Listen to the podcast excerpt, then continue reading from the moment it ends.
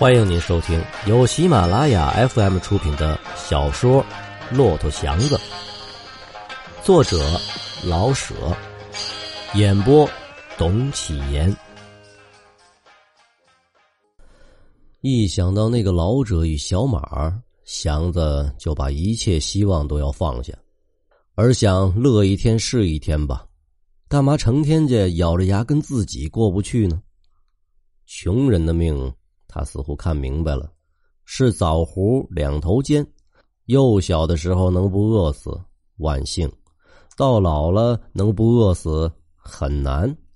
只有中间的一段年轻力壮，不怕饥老保路，还能像个人似的。在这一段里，该快活快活的时候还不敢去干，地道的傻子。过了这村便没有这店儿。这么一想，他连虎妞那回事儿都不想发愁了。极致看到那个闷葫芦罐他的心思又转了过来。不，不能随便，只差几十块钱就能买上车了，不能前功尽弃，至少也不能把罐里那点积蓄瞎扔了。那么不容易省下来的，还是得往正路走啊！一定。可是虎妞呢？还是没办法，还是得为那个可恨的二十七发愁。愁到了无可如何，他抱着那个瓦罐自言自语的嘀咕：“哎呀，爱怎么样怎么样吧，反正这点钱是我的，谁也抢不去了。有了这点钱，祥子什么也不怕。着急了，我会跺脚一跑。有钱，腿就会活动。街上越来越热闹了。”祭灶的堂官摆满了街，祥子本来盼着过年，现在可是一点也不起劲儿。街上越乱，他的心越紧。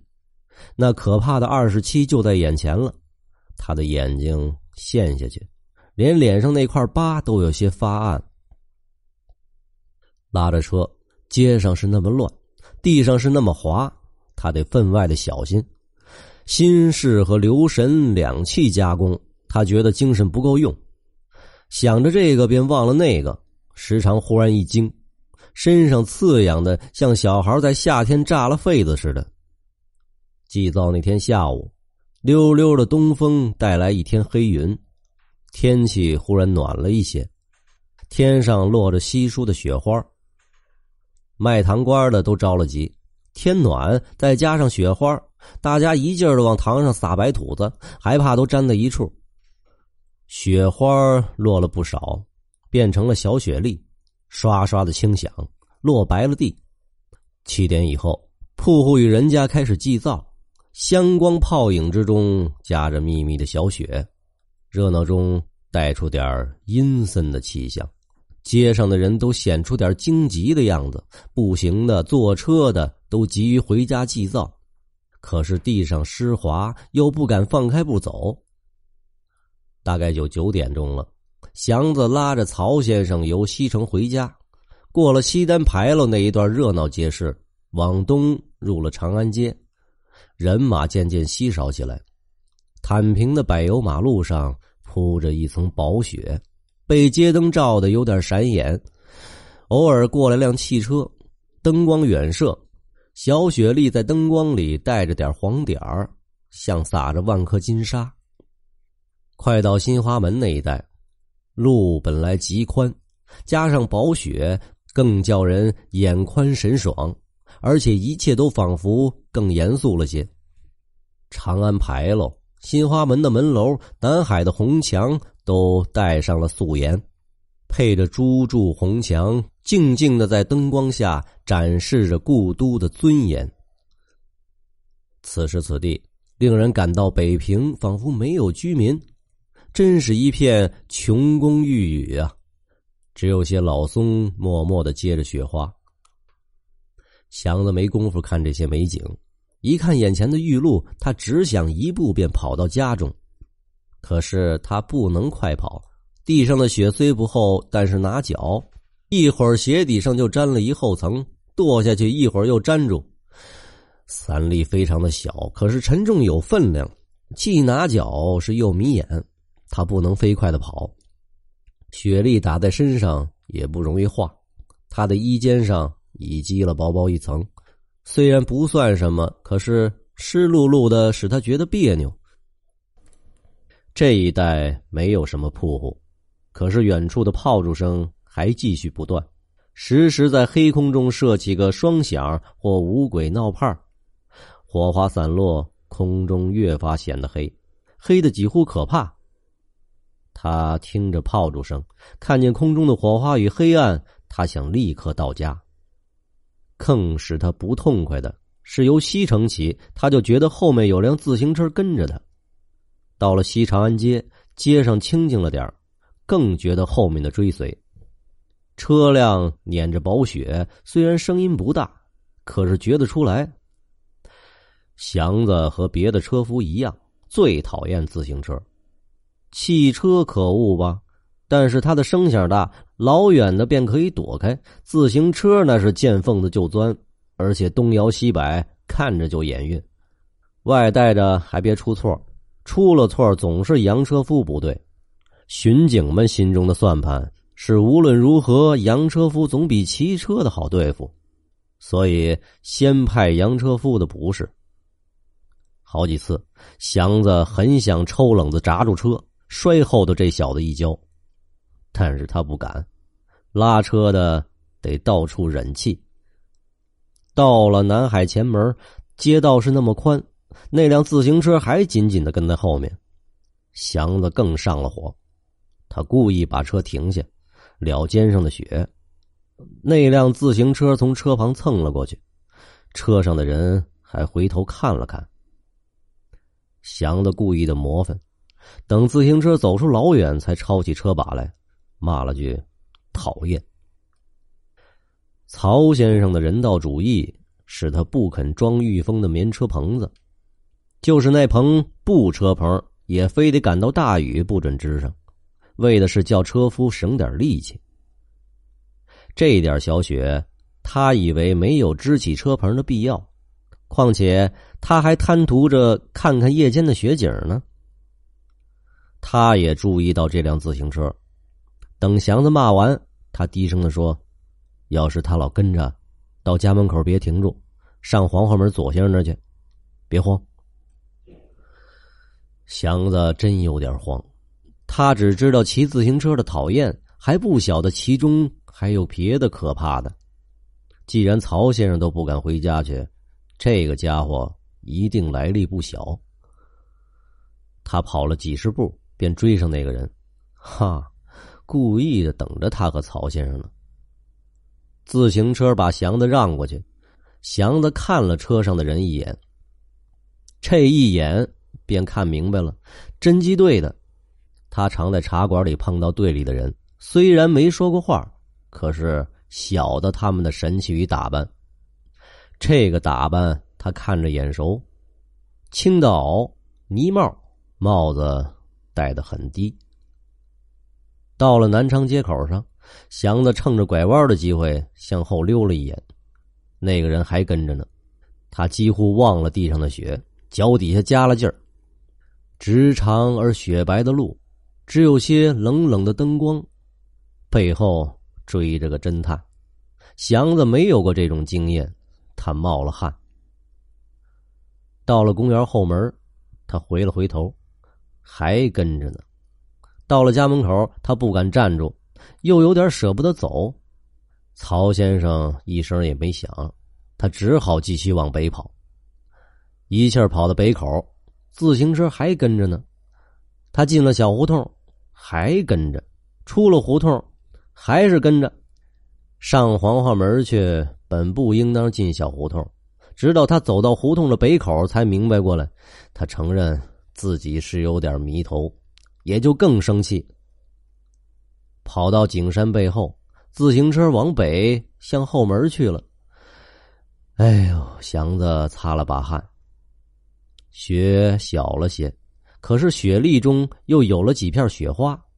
祥子似乎喜爱雪花，大大方方的在空中飞舞，不像雪粒那么使人憋气。他回头问了声：“上哪儿，先生？”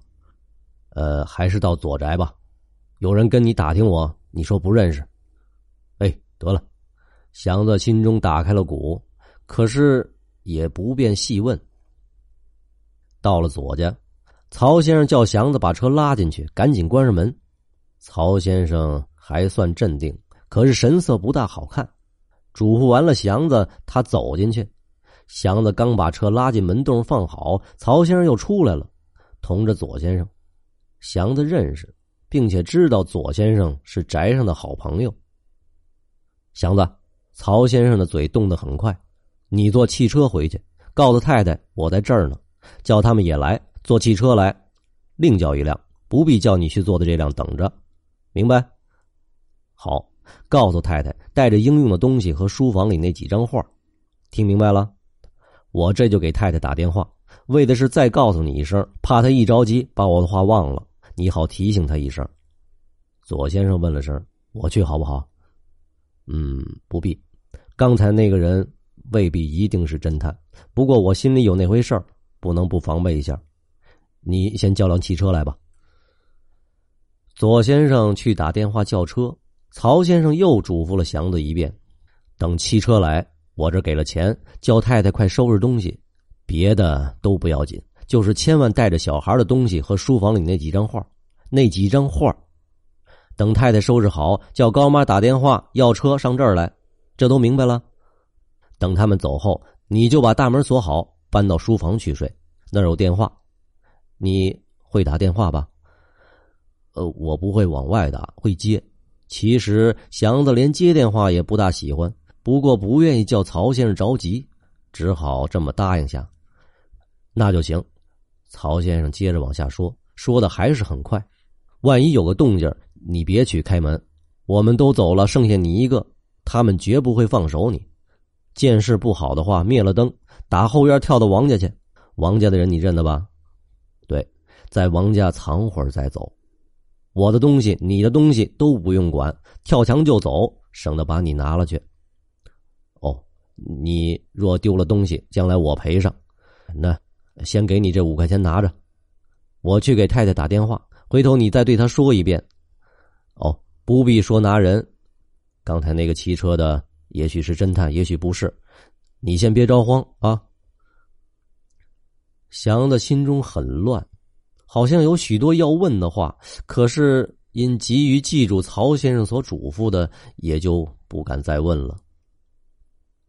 汽车来了，祥子愣头磕脑的坐进去，雪不大不小的落着，车外边的东西看不大真，他直挺着腰板坐着，头几乎顶住车棚，他要思索一番，可是眼睛只顾看车前的红箭头，红的是那么鲜亮可爱，车前面的那把小刷子自动的左右摆着，刷去玻璃上的哈气，也颇有趣。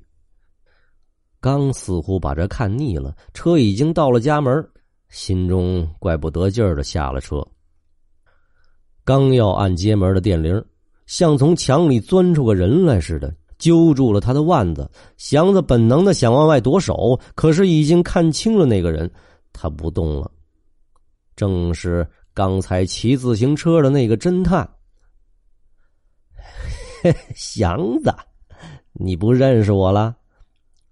侦探笑着松了手，祥子咽了口气，不知说什么好。你不记得当初你叫我们拉到西山去？嘿嘿，我就是那个孙排长啊，想起来了吧？哦哦，孙排长，祥子想不起来。他被大兵们拉到山上去的时候，顾不得看谁是排长还是连长。你不记得我，我可记得你。你脸上那块疤，可是个好记号。我刚才跟了你半天，起初也有点不敢认，左看右看，这块疤 不能有错。有事儿吗？祥子又要去按电铃，自然是有事儿，并且是要紧的事儿。咱们进去说。他伸手按了铃。我我还有事儿呢，祥子头上忽然冒了汗，心里发着狠，说：“躲他还不行呢，怎么能往里请呢？哎，你不用着急，我来啊是为你好。孙侦探露出点狡猾的笑意。赶到高妈把门开开，他一脚迈进去。哎，劳驾劳驾！没等祥子和高妈过一句话，扯着他便往里走，指着门房：“你住这儿啊？”进了屋，他四下里看了一眼，呵，这小屋还怪干净呢啊！你的事儿不坏，你你有事儿吗？我忙。祥子不能再听这些闲白没告诉你吗？有要紧的事儿。孙侦探还笑着，可是语气非常的严厉。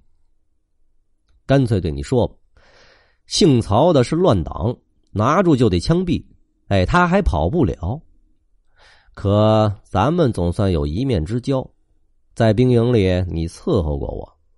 再说，咱们又都是街面上的人，所以我担着好大的处分来给你送个信儿。你要是晚跑一步，回来是赌窝掏。谁也跑不了，咱们卖力气吃饭，跟他们打哪门子挂过官司？这话对不对？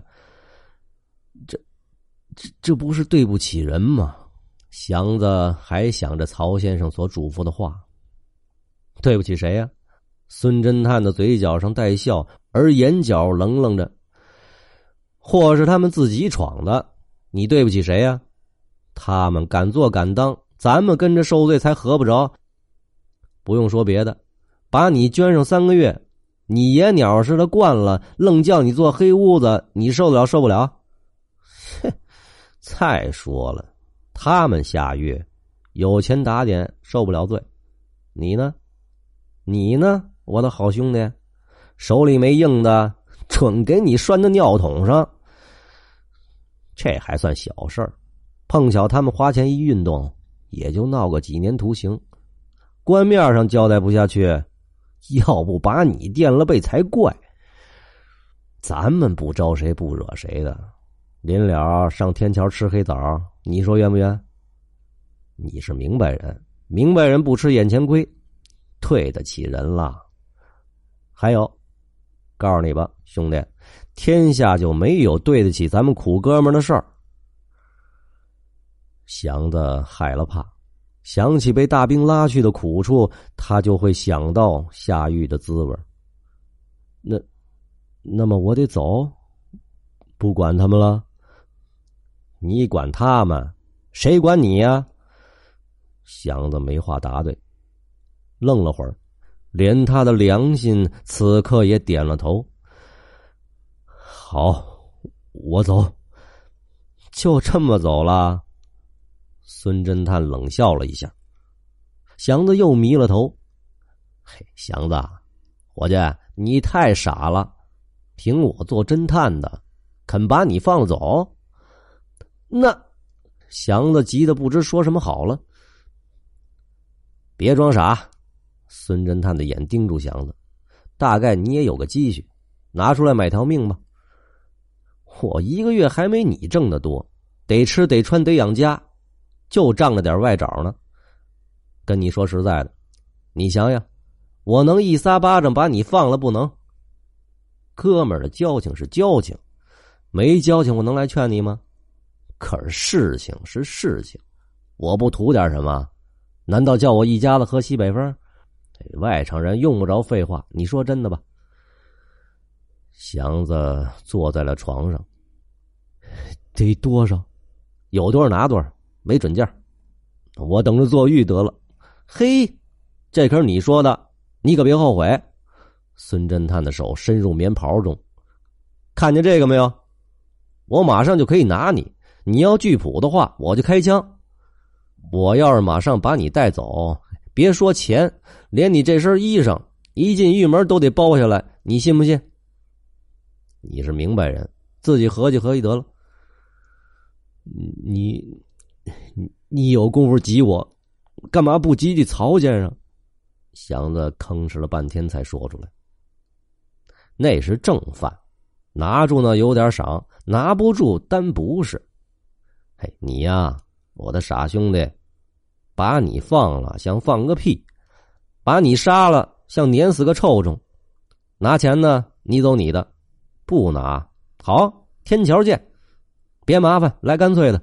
这么大的人了，再说这点钱也不能我一个人独吞了，伙计们都得占卜点不定分上几个子儿呢。这么便宜买条命还不干，我可就没法了。你有多少钱？祥子站起来，脑筋跳起多高，攥上了拳头。哎呦呵，动手可没你的好啊！我告诉你。外面还有一大帮人呢，快着拿钱！我看面子，你也别不知好歹。孙侦探的眼神非常的难看了。我我招惹谁了？我祥子带着哭音儿说完又坐在床沿上。你呀，你谁也没招，就是碰在点儿上了。